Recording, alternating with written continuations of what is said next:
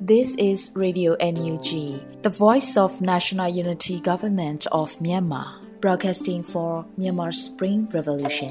Radio NUG is transmitting from shortwave 16 meter 17.79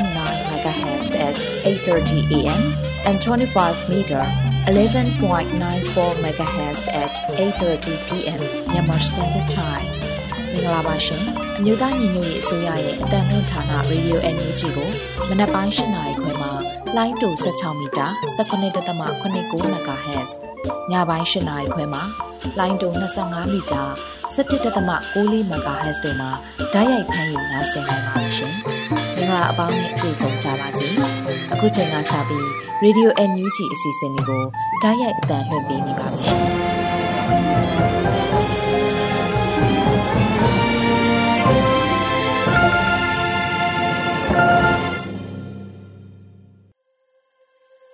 မင်္ဂလာနံနက်ခင်းပါရှင်မြန်မာနိုင်ငံသူနိုင်ငံသားအပေါင်းတဘာဝဘေးဆရာနာရှင်ဘေးတို့ကနေကင်းဝေးပြီးကိုစိတ်နှပါဘေးကင်းလုံခြုံကြပါစေလို့ရေဒီယိုအန်ဂျီအဖွဲ့သားများကဆုတောင်းမေတ္တာပို့သလိုက်ပါတယ်အခုချိန်ကစပြီးဇွန်လ23ရက်နေ့ရေဒီယိုအန်ဂျီရဲ့မနက်ခင်းအစီအစဉ်တွေကိုစတင်ထုတ်လွှင့်ပေးတော့မှာဖြစ်ပါတယ်ပထမအဆုံးအနေနဲ့ကာကွယ်ရေးဝန်ကြီးဌာနရဲ့စီးရေးသတင်းအကျဉ်းချုပ်ကိုတော့မောင်ကျူးမှဖတ်ကြားတင်ပြပေးမှာဖြစ်ပါတယ်ရှင်။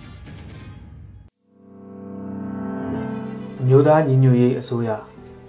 ကာဝေးရေးဝန်ကြီးဌာနကထုတ်ပြန်တဲ့နေ့စဉ်စီးရေးသတင်းအကျဉ်းချုပ်ကိုတင်ပြပါတော့မယ်ခင်ဗျာစီးရင်များရရန်သူတပ်သား6ဦးသေဆုံးပြီးဒဏ်ရာရစင်းကိုစုံစမ်းနေစေဖြစ်ကြောင်းသိရှိရပါတယ်အာနာသိန်းကျပ်ပတ်စစ်တပ်နဲ့တိုက်ပွဲဖြစ်ပွားမှုသတင်းများကိုပထမဦးစွာတင်ပြပါမယ်ခင်ဗျာနေပြည်တော်မှာ2023ခုနှစ်ဇွန်လ12ရက်နေ့ညနေ9:02မိနစ်ခန့်တွင် လဝင်းမြို့နယ်မြို့မရဲစခန်းရှိမှအင်အား၁၀ဦးခန့်ရှိရဲစခန်းအဝင်ဂိတ်ကိုလက်ပစ်ပုံဖြင့်ပစ်ခတ်တိုက်ခိုက်ခဲ့ရာရဲသုံးတည်ဆုံခဲ့ပါတယ်။မန္တလေးတိုင်းမှာဇွန်လ17ရက်နေ့ည7:00နာရီခန့်တွင်မရယာမြို့နယ်ကြော်တရားကြီးရွာဘုံကြီးကျောင်းတွင်တက်ဆွဲထားတဲ့ရန်သူအင်အား20ကျော်ကိုမြေပြင်တော်လှန်ရေးအဖွဲ့များကဒရုန်းဖြင့်ဘုံတိချ၍တိုက်ခတ်ခဲ့ကြောင်းသိရှိရပါတယ်။ဇွန်လ17ရက်နေ့ညနေ9:30မိနစ်ခန့်တွင် မရယာမြို့နယ်စိန်ပန်းကုန်းရွာတွင်စခန်းချထားတဲ့ရန်သူတပ်သား9ဦးတထေးကုန်းကျေးရွာဘက်သို့အရက်ဝယ်ထွက်စဉ်ပြည်သူ့ကာကွယ်ရေးတပ်မတော် PDF 910တပ်ရင်းမှပြစ်ခတ်တိုက်ခိုက်ခဲ့ရာရန်သူတပ်သား3ဦးသေဆုံးခဲ့ပြီးခဲယမ်းများနှင့်လက်နက်ဆက်ဆက်ပစ္စည်းချို့ရရှိခဲ့ပါတယ်။အာဏာသိမ်းကျန်းဖတ်စစ်တပ်ကကျူးလွန်တဲ့ရာဇဝတ်မှုများအကြောင်းကိုဆက်လက်တင်ပြပါမယ်ခင်ဗျာ။နေပြည်တော်မှာဇွန်လ17ရက်နေ့ညနေ3နာရီခန့်တွင် ပြင်းမနာမြို့နယ်ဇီးပြူပင်ရွာမှဒေသခံပြည်သူ20ဦးကိုရန်သူတပ်သားများကဖမ်းဆီးခေါ်ဆောင်သွားပြီးအမည်စင်းကောက်ယူစစ်ဆေးမှု ဖုံးစစ်ဆေးမှုများပြုလုပ်ခဲ့ကာည10:00နာရီခန့်တွင် ပြန်လွတ်ပေးခဲ့ကြောင်းသိရှိရပါတယ်။မကွေးတိုင်းမှာဇွန်လ17ရက်နေ့မနက်9:00နာရီခန့်တွင်မြိုင်မြို့နယ်ကိုင်းတောမှကြေးရွာရဲစခန်းနှင့်ဘုံကြီးကျောင်းဝင်းအတွင်းသို့ဝင်ရောက်လာတဲ့မြိုင်မြို့နယ်အခြေပြုတမခ101လှုပ်ရှားစစ်ကြောင်းက ဒေသခံပြည်သူပိုင်နေများအတွင်းသို့ဝင်ရောက်ခဲ့ပါတယ်။ဒေသခံပြည်သူများရဲ့ပစ္စည်းများကိုအကြမ်းဖက်လူယူုံသာမကဒေသခံအဖွားအိုတဦးထမနဆွဲတရံကိုအကြမ်းဖက်လူယူခဲ့ပါတယ်။လက်နက်ကြီးများဖြင့်အနီးနားဝန်းကျင်သို့အကြမ်းဖက်ပစ်ခတ်မှုကြောင့်ဖလန်ကန်ရွာပြည်သူနေတစ်ခုပေါ်သို့ကြားရောက်ပောက်ကွဲခဲ့တဲ့အတွက်ပျက်စီးဆုံးရှုံးမှုများရှိနိုင်ပါတယ်။တရင်သာရီတိုင်းတွင်ဇွန်လ17ရက်နေ့မနက်7:15မိနစ်ခန့်တွင် တရချောင်းမြို့နယ်ရငဲရွာရှိဥချစ်သိန်းနေပေါ်သို့ရန်သူတက်ကပစ်ခတ်တဲ့လက်နက်ကြီးကြားရောက်သည့်အတွက်နေအိမ်ပျက်စီးခဲ့ပါတယ်။မနက်7:20မိနစ်ခန့်တွင်ရငဲရွာမှပြည်သူနေအိမ်သုံးလုံးကိုရန်သူတပ်သားများကမိရှို့ဖျက်ဆီးနေပြီးမနက်7:30မိနစ်ခန့်တွင်ရန်သူတပ်သားများကကနက်တီရီရွာမှဖမ်းဆီးထားသည့်ပြည်သူများအားလုံးကိုပြန်လွှတ်ပေးခဲ့ကြောင်းကနက်တီရီဘုန်းကြီးကျောင်းတွင်ရန်သူတပ်အချို့တပ်ဆွဲထားဆဲဖြစ်ကြောင်းနဲ့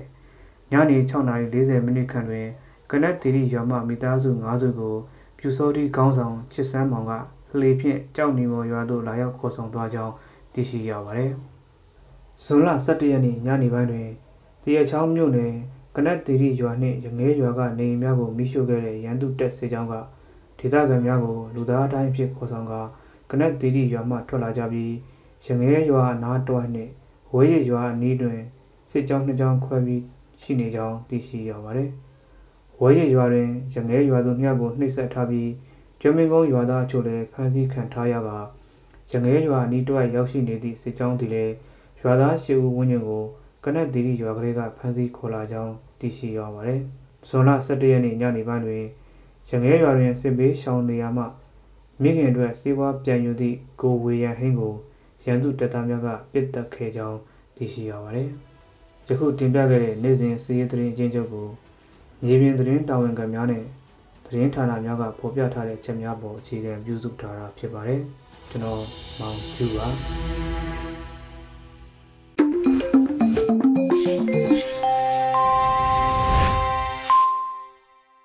ဆက်လက်ပြီးပြည်ရင်းသတင်းများကိုတော့ຫນွေဦးမိုင်မှဖတ်ကြားတင်ပြပေးတော့မှာဖြစ်ပါတယ်ရှင်။ မင်္ဂလာပါရှင်အခုချိန်ကစပြီး Radio UNG ရဲ့ဇွန်လ23ရက်နေ့မနက်ခင်းပြည်တွင်သတင်းများကိုဖတ်ကြားပေးသွားပါမယ်ကျွန်မຫນွေဦးမိုင်ပါကရင်ပြည်ရဲ့ခုခံစစ်ဟာပြည်내ဧရိယာနဲ့မမျှအောင်တာလွန်ကြီးမားနေပြီးအကြမ်းဖက်စစ်တပ်ကိုအထိနာဆုံးတိုက်ခိုက်နိုင်တဲ့ပြည်내တစ်ခုလည်းဖြစ်တယ်လို့ယာယီသမရဒူဝါလက်ရှိလာပြောကြားတဲ့သတင်းကိုပထမဆုံးတင်ပြပေးချင်ပါတယ်။ ကရင်ပြည်ရဲ့ခုခံစစ်ဟာပြည်내ဧရိယာနဲ့မမျှအောင်တာလွန်ကြီးမားနေပြီးအကြမ်းဖက်စစ်တပ်ကိုအထိနာဆုံးတိုက်ခိုက်နိုင်တဲ့ပြည်내တစ်ခုလည်းဖြစ်တယ်လို့ဇွန်လ12ရက်မှာကျင်းပတဲ့ကရင်ပြည်ကြားကာလအုပ်ချုပ်ရေးကောင်စီ ICE ဖွဲ့စည်းခြင်းအခမ်းအနားမှာယာယီသမရဒူဝါလက်ရှိလာကပြောကြားခဲ့ပါတယ်။အခုလည်းကရင်ပြည်ရဲ့ခုခံစစ်ဟာပြည်내ဧရိယာနဲ့မမျှအောင်တာလွန်ကြီးမားနေတာတွေ့ရပါတယ်။ ကရင်နီပြည်သူတွေကြံ့ကြံ့ခါနိုင်မှုအရေးတော်ပုံတပ်သားတွေရဲရင်မှုဟာအင်မတန်ကိုအောင်ဩစရာကောင်းလှပါတယ်တကယ်တော့ຫນွေဥတော်လှိုင်းရဲ့လက်နက်ကင်ခုခံတွန်းလှန်စစ်မှာကရင်နီပြည်ဟာအစောဆုံးတိုက်ပွဲဝင်တဲ့ပြည်နယ်ဖြစ်ပါတယ်အကြမ်းဖက်စစ်တပ်ကိုအထိနာဆုံးတိုက်ခိုက်နိုင်တဲ့ပြည်နယ်တစ်ခုလည်းဖြစ်ပါတယ်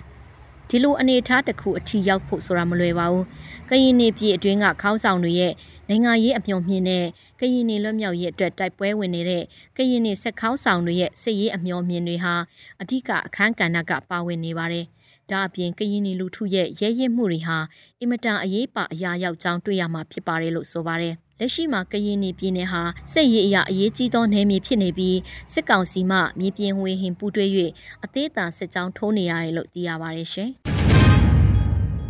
ဆက်လက်ပြီးပြည်ထောင်စုလွှတ်တော်ကိုစားပြုကော်မတီက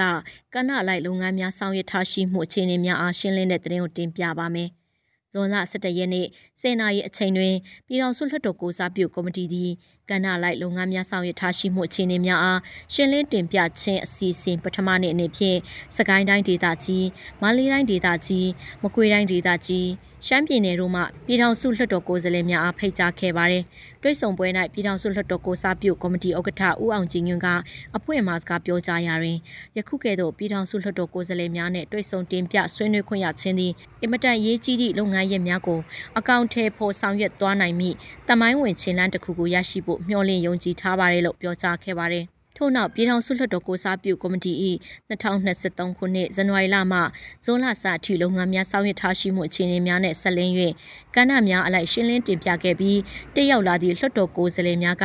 မြေပြင်အခြေအနေများလိုအပ်ချက်များလွှတ်တော်လုပ်ငန်းပိုင်းဆိုင်ရာကိစ္စရပ်များအတွက်ပုံမချိတ်ဆက်ဆောင်ရွက်နိုင်စေရန်အကြံပြုချက်များတင်ပြကာအပြန်လှန်ဆွေးနွေးညှိနှိုင်းခဲ့ကြပါသည်တွိဆုံပွဲသို့ပြည်ထောင်စုလွှတ်တော်ကိုစားပြုကော်မတီဥက္ကဋ္ဌဦးအောင်ကြီးညွန့်အတွင်းရေးမှူးများနဲ့အဖွဲ့ဝင်များစကိုင်းတိုင်းဒေသကြီးမန္တလေးတိုင်းဒေသကြီးမကွေးတိုင်းဒေသကြီးရှမ်းပြည်နယ်တို့မှပြည်ထောင်စုလွှတ်တော်ကိုယ်စားလှယ်များတက်ရောက်ခဲ့ကြပါတယ်ရှင်ပြည်ထရေးနယ်လူမှုကြီးကြပ်ဝင်ကြီးဌာနနဲ့မြို့နယ်ပြည်သူ့အုပ်ချုပ်ရေးဖွဲ့များတွိဆုံဆွေးနွေးပွဲကျင်းပတဲ့တဲ့ရင်ကိုဆက်လက်တင်ပြပါမယ်။အမျိုးသားညီညွတ်ရေးအစိုးရပြည်ထရေးနဲ့လူမှုကြီးကြပ်ဝင်ကြီးဌာနနဲ့ပဲခူးတိုင်း၊အေရဝတီတိုင်း၊ရန်ကုန်တိုင်း၊တနင်္သာရီတိုင်းတို့ရှိမြို့နယ်ပြည်သူ့အုပ်ချုပ်ရေးဖွဲ့များတွိတ်ဆုံဆွေးနွေးမှုအစည်းအဝေး17မြင်းဆောင်2023ကိုဇွန်လ12ရက်မှာကျင်းပခဲ့ရာအစည်းအဝေး၌ပြည်ထရေးနဲ့လူမှုကြီးကြပ်ဝင်ကြီးဌာနတွဲဖက်အမြဲတမ်းအတွင်းဝင်မှအဖွဲ့မှစကားပြောကြားခဲ့ပါတယ်။ဆက်လက်၍ပြည်ထရေးနဲ့လူမှုကြီးကြပ်ဝင်ကြီးဌာနတွဲဖက်အမြဲတမ်းအတွင်းဝင်မှလုပ်ငန်းဆောင်ရွက်ချက်များနဲ့ပတ်သက်၍ရှင်းလင်းပြောကြားခဲ့ပြီးနောက်မြို့နယ်ပြည်သူ့အုပ်ချုပ်ရေးအဖွဲ့ဝင်များမှ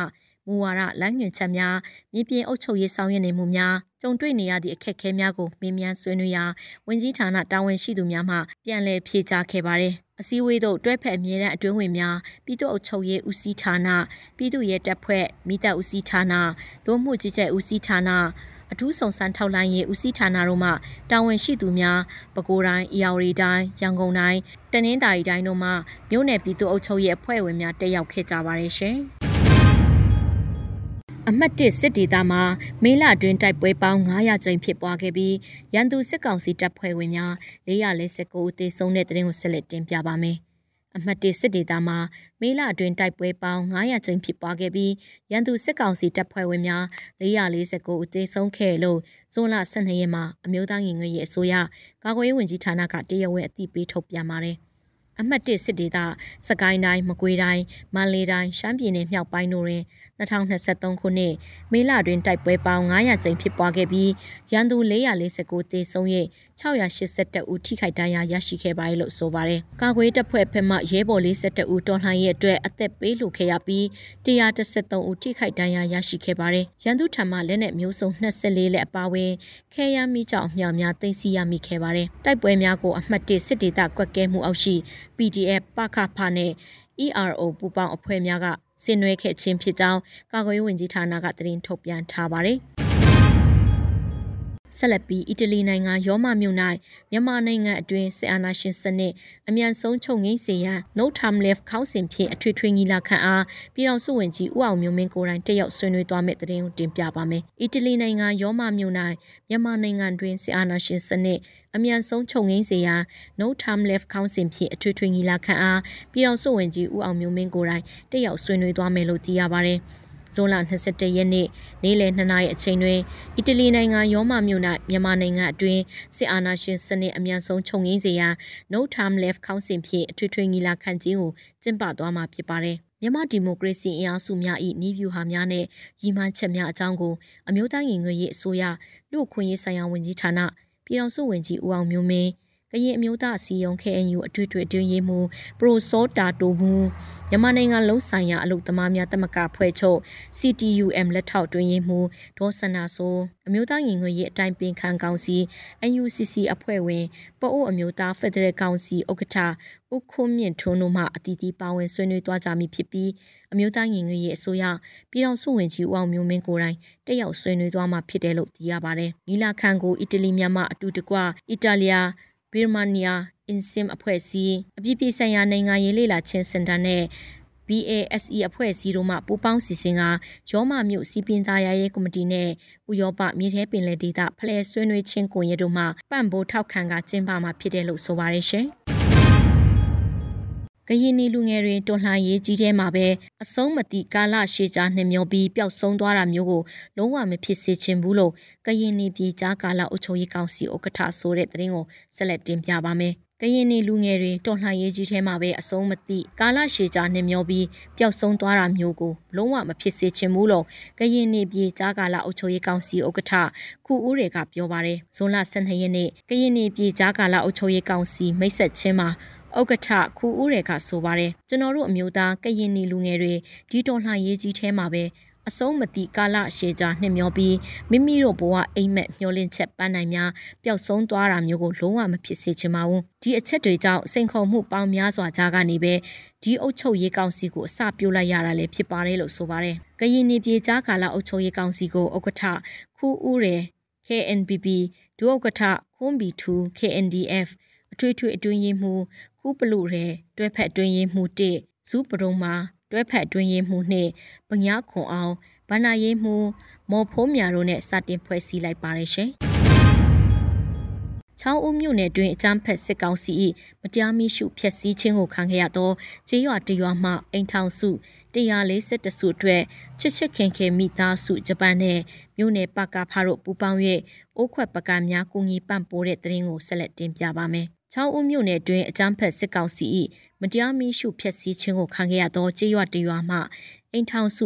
140စုအတွက်ချစ်ချစ်ခင်ခင်မိသားစုဂျပန်နှင့်မြို့နယ်ပကဖားတို့ပူးပေါင်း၍အုတ်ခွက်ပကများကူညီပံ့ပိုးပေးခဲ့လို့ဇွန်လ12ရက်မှာချောင်းဦးမြို့နယ်ပကဖားကအတိပေးဆိုပါတယ်။ချောင်းဦးမြို့နယ်အတွင်းအကြမ်းဖက်စစ်ကောင်စီ၏မတရားမီးရှို့ဖျက်ဆီးခြင်းကိုခံခဲ့ရသောကြေးရွာတရွာမှအိမ်ထောင်စု140စုအတွက် ချစ်ချစ်ခင်ခင်မိသားစုဂျပန်နဲ့မြို့နယ်ပကဖားတို့ပူပေါင်း၍တအိမ်ထောင်လင်းဒန်အိုးကြီးတလုံးဒေအိုးတလုံးစတီဇွန်တဒါစင်ထမင်းစားစတီစလုံး3လုံးနှုံးဖြင့်ဒန်အိုး140လုံးဒေအိုး140လုံးစတီဇွန်140ဒါစင်နဲ့ထမင်းစားစတီစလုံး966လုံးတို့အားပေးအပ်ကူညီခဲ့ပါတယ်လို့ဆိုပါတယ်မြို့နယ်ပကဖာနေဖြင့် မြို့နယ်ဧကကွေးလုပ်ငန်းများတာမကစစ်ပေးရှောင်များကိုကူညီထောက်ပံ့ခြင်းအကြမ်းဖက်စစ်ကောင်စီကမိရှုဖျက်ဆီးခဲ့သောကြေးရွာများကိုစွမ်းနိုင်သမျှကူညီဆောင်ရှောက်ခြင်းများကိုအလှရှင်များဒေသခံပြည်သူများနဲ့လက်တွဲဆောင်ရွက်လှည့်ရှိရလို့ဆိုပါတယ်အကြမ်းဖက်စစ်တပ်ဟာတနင်္ဂနွေလုံးမှာအိုးအိမ်ပေါင်း6000ကျော်ကိုမိရှုဖျက်ဆီးခဲ့ပါတယ်ရှင်မြိုင်မြို့နယ်မှာစစ်ကောင်စီနဲ့ပြူကားများကိုမြိုင်ပတ်ကဖားနဲ့ ကာကွယ်ရေးတပ်များတိုက်ခိုက်၍ထိခိုက်ဒေဆုံးသူများရှိတဲ့တဲ့ရင်ကိုဆက်လက်တင်ပြပါမယ်။မြိုင်မြို့နယ်မှာစစ်ကောင်စီနဲ့ပြူကားများကိုမြိုင်ပကဖားနဲ့ကာကွယ်တပ်များတိုက်ခိုက်၍ထိခိုက်ဒေဆုံးသူများရှိရလို့တင်ရရှိပါရယ်။ဇွန်လ12ရက်နေ့နနက်9:19မိနစ်အချိန်တွင်တစ်ကြိမ်နေ့ခင်း2:45မိနစ်တွင်တစ်ကြိမ်တိုက်ခိုက်ခဲ့တယ်လို့မြိုင်ပကပခတီးပြုဆိုပါရယ်။ ဇွန်လ12ရက်နနက်9:19မိနစ်အချိန်တွင်စက်မှုနှစ်ဖက်မှလာသောစစ်ကောင်စီတပ်နှင့်ပြူကားနှစ်စီးအားမြိုင်မြို့တောင်ဘက်ကြီးပင်ကန်ရွာအနီးရောက်တွင်မိုင်းသုံးလုံးပွိုက်ဖြင့်မိုင်းဆွဲတိုက်ခိုက်ခဲ့ရာတွင်နောက်မှပါလာသောရင်းတစည်းမိုင်းထီ၍ရင်းပေါ်ပါလာသောစစ်ကောင်စီတပ်ဖွဲ့ဝင်တို့မိုင်းထီမှန်ပြီးစစ်ကောင်စီတပ်များကမြိုင်စေးရုံပို့ဆောင်ကြတယ်လို့ဆိုပါတယ် ထို့နောက်နေ့ခင်း2:45မိနစ်တွင်မြိုင်မြို့ဘက်မှစစ်ကောင်စီကားတစ်စီးရိုက်ခါကားတစ်စီးစက်မှုနှစ်ဘက်သို့ပြန်လည်ထွက်ခွာလာပြီးရှေ့ပေးကင်းများမှ40မမများလက်နက်ငယ်များဖြင့်အဆက်မပြတ်ပြစ်ခတ်၍ထွက်ခွာလာရာဝက်ကျုံးဆယ်ကျော်တွင်စစ်ကောင်စီနှင့်ပြူ18ဦးခန့်ပါမော်တော်ယာဉ်အားမီတာ30ခန့်ခွာမှအနီးကပ်ကင်းပုံဝဲ၍အနီးကပ်ပြစ်ခတ်တိုက်ခိုက်ခဲ့လို့ဆိုပါရယ်အဆိုဟာဖြစ်စဉ်တွင်စစ်ကောင်စီဘက်က3ဦးထပ်မံတေဆုံးပြီး3ဦးတန်ရာရရှိသွားခဲ့ပါတယ်။၎ င်းနောက်မြိုင်မြို့ဘက်မှစစ်ကောင်စီလက်နက်ကြီးများဖြင့်အစစ်မပြတ်ပစ်ကိုပေးနေ၍ဆုတ်ခွာခဲ့ရတွင်လက်နက်ကြီးထိမှန်၍အပြစ်မဲ့ကလေးငယ်ခတ်မှန်အသက်၈နှစ်ခန့်ကလေးဦးခေါင်းတွင်လက်နက်ကြီး60မမအစံထိမှန်ခဲလို့သိရပါတယ်ရှင်။အခုတင်ပြခဲ့တဲ့သတင်းတွေကို Radio UNG သတင်းထောက်မင်းတီဟန်ကပေးပို့ထားတာဖြစ်ပါတယ်ရှင်။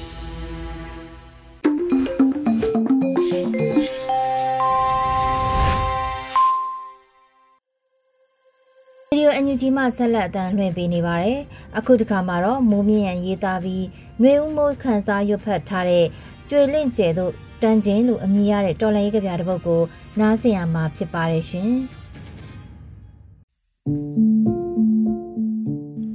ကျွေလွင့်ကျဲတို့တန်ချင်းမနှက်ဖြန်ရဲ့အခင်းအကျင်းတွေထဲနေကြပြောက်သွားခဲ့ရတာငါတို့မှာဖြေမစဲနိုင်စွာပေါ့ညီမလေးရဲ့ တကယ်ဆိုရင်နင်ကနေ့အသက်နဲ့အသက်တွေကိုဆက်ပေးခဲ့တဲ့ဂယုနာနဲ့ပြိုးတဲ့လက်ပိုင်ရှင်ပြန်တန်းချင်းရဲ့ဟိုးတစ်ပတ်စီကလေဆန်ကိုတွန်းတိုက်ထိုးခွင်းရင်ရဲရင်လင်းယုံတကောင်လိုအတောင်ပံတွေကိုဖွင့်နေမရက်မနာခရီးနှင်ခဲ့တာတွေမုံတိုင်းတွေဆဲသွားတဲ့တနေ့အဲ့ဒီကောင်းကင်နေရာမှာဖန်မီအိမ်လေးတစ်လုံးနဲ့နေ့အမီနာမကို မော်ကွန်ကမီထိုးလို့ငါတို့နှလုံးသွင်းနဲ့ချိတ်ဆွဲပေးထားပါမယ်ညီမလေးတန်တရားအဆက်ဆက်မှာညီမလေးလင်းလက်တောက်ပနိုင်ပါစေမိုးမြင့်ရန်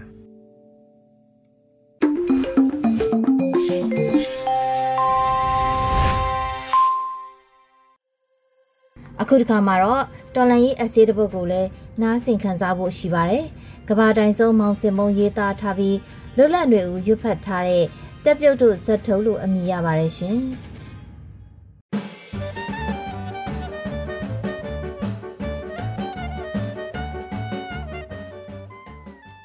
တက်ပြုတ်တို့ဇက်ထုံဖွတ်ပါတီကြည့်ပြီးရွေးကောက်ပွဲလုပ်မယ်မှတ်လို့ကြောင်တုံတောင်နဲ့မှတ်ပုံလိုက်တင်ကြတယ်။သိန်းတထောင်ရင်းလိုက်လို့ပွဲတက်လက်မှရသွားတဲ့ကိုကိုကြီးဟာ မိုက်ကယ်ကျော်မြင့်ပေးခုံနေရပေးထားမှဆိုးတဲ့မျက်နှာကြီးစုပုတ်မအလာကိုစိတ်ကောက်ပုံလုံနေတာကြီးကတကယ်အခွိဇက်တကယ်ကကျင်ဆိုးကဘူပြုတ်ကြီးတွေကိုအကျယ်ကျုပ်ချဖို့လှုပ်ထားတာလေရွေးကောက်ပွဲလှုပ်ဖို့မှမဟုတ်တာကြက်ဖို့ပါတီဆိုတာတတ်သေးမထားကျင်တဲ့ဘူကောင်တွေအကျယ်ကျုပ်ချတဲ့ထောင်လေဘူပြုတ်တိုင်းသိအဲ့လိုပဲ တက်မတော်နေ့ကလည်းဘူပြုတ်ကြီးတွေကိုကတော့တယ်ဆိုပြီးလှုပ်ပြန်ရောဘူချုပ်ကြီးတွေခမာကတော့ခံရမယ်ဆိုတော့တုံလို့မချိသွားပြဲတဟဲဟဲသွားလို့ရမလိုက်ဘဲလဲမနေရဲသိတယ်လေဒီပွဲကသူတို့ကိုပြေပမထွက်ရအောင်စရင်လုပ်တယ်ဆိုတာမထွက်ရယုံတင်မကဆက်ကြီးပါတောင်းမဲ့အထားအစောပိုင်းကလစ်သွားတဲ့သူတွေသာလွတ်တာရွှေမန်းသာကြည့် ကျမ်းမာကြီးလိုလိုဘာလိုလိုနဲ့လစ်သွားတာပါတီတော်မှတ်ပုံပြန်မတင်တော့ဘူးရဲ့သူကဘာရမလဲတာဝရာငါသည်လက်နာငါအမဟုတ်ပါပေါ့ကျင်ဆိုးကဖင်ယိုးမယ်ဆိုတာသူတို့အသိသိဆိုသူတို့နဲ့တကြင်တဲ့တကြံတဲ့ကိုသူဖင်ရားပြီးအာနာသိန်းတော့ကပူတင်ကမရားသေးဘူးလေပူတင်ကသူ့ထက်ရားလိုက်တော့သူပါပြေးလန့်ပြောက်ရောအဲ့လိုဖြစ်လာမှတော့ကျင်ဆိုးက ဘိုးပြုတ်တွေရှေ့ကတော့ဘယ်သေးခံမလဲဘိုးပြုတ်တွေပိုင်ဆိုင်ထားတဲ့မနှဲမနှောစီးစိမ်တွေကိုမြစ်ဆောင်ထိုးပြီလေဘိုးပြုတ်တွေစီးစိမ်နဲ့ကတုတ်လုတ်ခံစစ်ထိုးတော့မယ်ဆိုတာသူတို့တင်ပေးခဲ့တဲ့လက်ချတွေဆိုတော့သူတို့ကောင်းကောင်းသိတာပေါ့သိပေမဲ့လည်းမရဲတရဲကျွဲပြဲမစီဘူးပေါ်တင်မပြောရဲမဆိုရဲဘယ်သူနဲ့မှမတိုင်ပင်ရဲတကိုယ်ရီလွတ်လန်းရှာသူကများ သားသမီးတွေနဲ့စီးစိမ်တွေတော့ကဲ့ထုတ်နေကြအစောထဲကလည်းလှုပ်တလောက်လှုပ်ထားပြီးသားဒါကိုလည်းပလင်တခိုးကျင်ဆိုးကအသိသူတော်ထိုင်းသွားကွန်ဒိုဝယ်ထားသေးတာလေတပ်ပြုတ်တွေရဲ့ဇတ်ထုတ်ကအငိုမလွယ်အရှိုက်ခက်ဆုပ်ဆူးစာယူရှေ့တိုးတဘိုးနောက်ဆုပ်လှဲတုပ်ငုံမိငရဲတက်လဲအဝီစီ အန်ယူဂျီတာအမိအဖဆိုကပဲကဘာတိုင်ဆုံးမောင်စစ်မုံ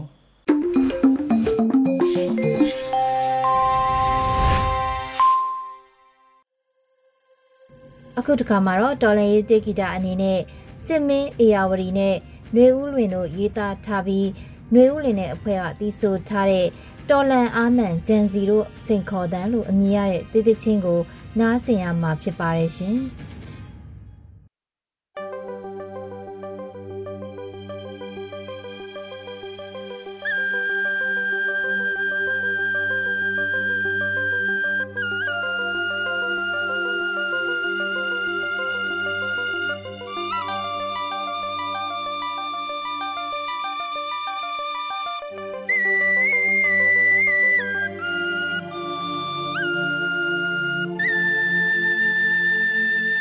ရှိအလေအနောက်ယူမသုံးတွေယတိမန်ချွာခွတောင်းတရဒုညံကြီး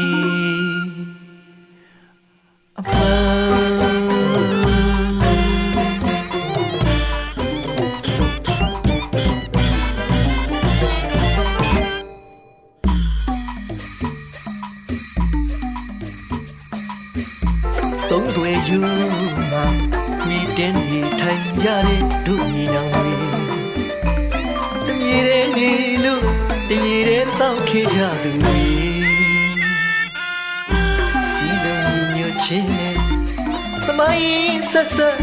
တွေးလည်းမဖြုံစရရှောင်းလန်းခဲ့ကြပြီတို့ဤတို့ဤတို့ဘဝမွေနှစ်မို့တို့တွေပိုင်ဆိုင်ခဲ့ကြပြီ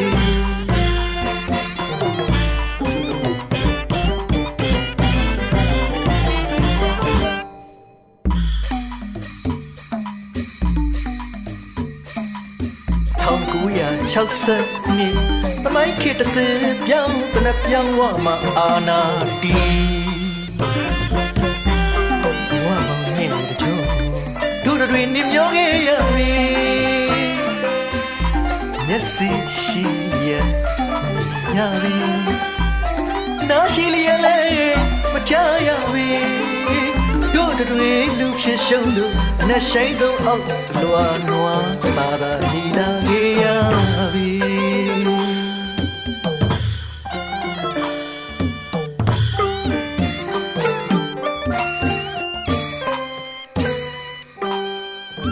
ဒီလေရမီခုတ်ထွင်ရှင်းလေးလို့ဒုတို့များကြိုးစားခဲ့ရပြီ မပိုင်တပ်ပိုင်မြေလို့လူရဲ့ယူဆောင်နေတို့လို့အားကိုတို့များမခံစားကြရပြီတို့စိုက်တော့ပန်းတွေလဲတို့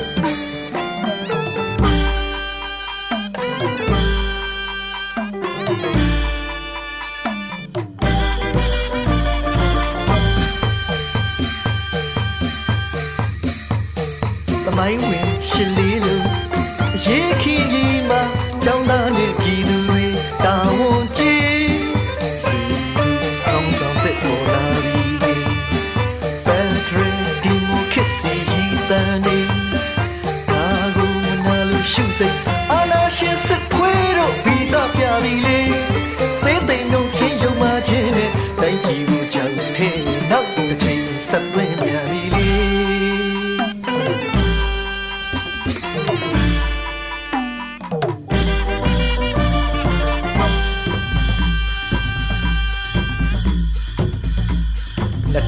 2021ရွေသမိုင်းတဲ့သူစခဲ့ပြီ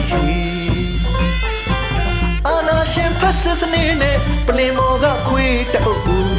မြစ်ဖြတ်ချေမုံတွေးကြွေးစဖူလေး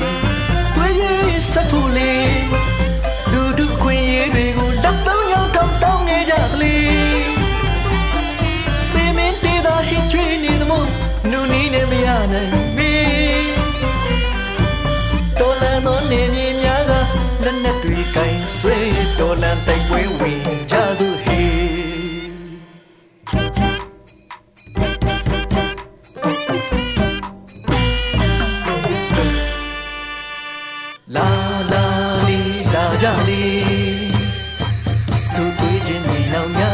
များနဲ့စနစ်သက်ထူတော်မလေးစူစီဖို့ချိန်တန်ပြီလေညညဖို့ချိန်တန်ပြီလေလူမမြေပြစိတ်ခေါ်တဲ့ဘဝညံစီအာနာရှင်ချီလန်းဆိုစခွေးတို့အမြင့်ပြတ်ဖို့ဖက်ဒရယ်ပြည်တော်တို့အောင်မလက်တကမ်းမ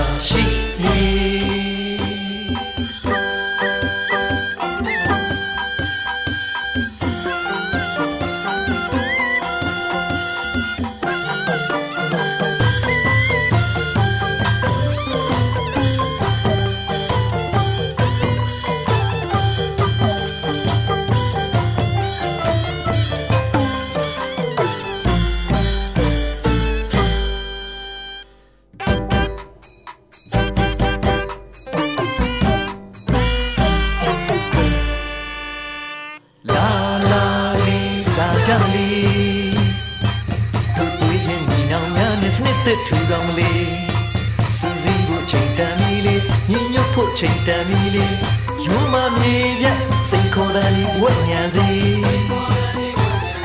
အာနာရှင်ချီလန်းစစခွေးတို့အမြင့်ပြတ်ဖို့ဖရယ်ပြည်တော်တို့အောင်ပန်းလက်တကမ်းမရှိနေဖက်ဒရယ်ပြည်တော်တို့အောင်မန်လက်တကမ်းမရှိနေဖက်ဒရယ်ပြည်တော်တို့အောင်မန်လက်တကမ်းမရှိနေဖက်ဒ ရယ်ပြည်တော်တို့အောင်မန်လက်တကမ်းမရှိနေဖက်ဒရယ်ပြည်တော်တို့အောင်မန်ဒီကနေ့ကတော့ဒီညနဲ့ပဲ Radio NUG ရဲ့အစီအစဉ်လေးကိုခਿੱတရနာလိုက်ပါမယ်ရှင်။မြန်မာစံတော်ချိန်မနက်၈နာရီခွဲနဲ့ည၈နာရီခွဲအချိန်တွေမှာပြန်လည်ဆုံတွေ့ကြပါစို့။ Radio NUG ကိုမနက်ပိုင်း၈နာရီခွဲမှာလိုင်းတူ16မီတာ19.89 MHz ညပိုင်း၈နာရီခွဲမှာလိုင်းတူ25မီတာ 17.6 MHz တို့မှာဓာတ်ရိုက်ဖမ်းလို့နိုင်စေနိုင်ပါပြီ။မြန်မာနိုင်ငံသူနိုင်ငံသားတွေကိုစိတ်နှပြကျန်းမာချမ်းသာလို့ဘေးကင်းလုံခြုံကြပါစေလို့ Radio NUG အဖွဲ့သူဖွဲ့သားတွေကဆုတောင်းမေတ္တာပို့တာလိုက်ရပါတယ်ရှင်။အမျိုးသားညီညွတ်ရေးအစိုးရရဲ့စက်သွေးရေးသတင်းအချက်အလက်တွေပညာဝန်ကြီးဌာနကထုတ်လွှင့်နေတဲ့ Radio NUG ဖြစ်ပါတယ်။ San Francisco Bay Area အခြေစိုက်မြန်မာမိသားစုတွေနဲ့နိုင်ငံတကာကစေတနာရှင်လို့အားပေးနေတဲ့ Radio NUG ဖြစ်ပါတယ်။ အရေးတော်ပုံအောင်ရမည်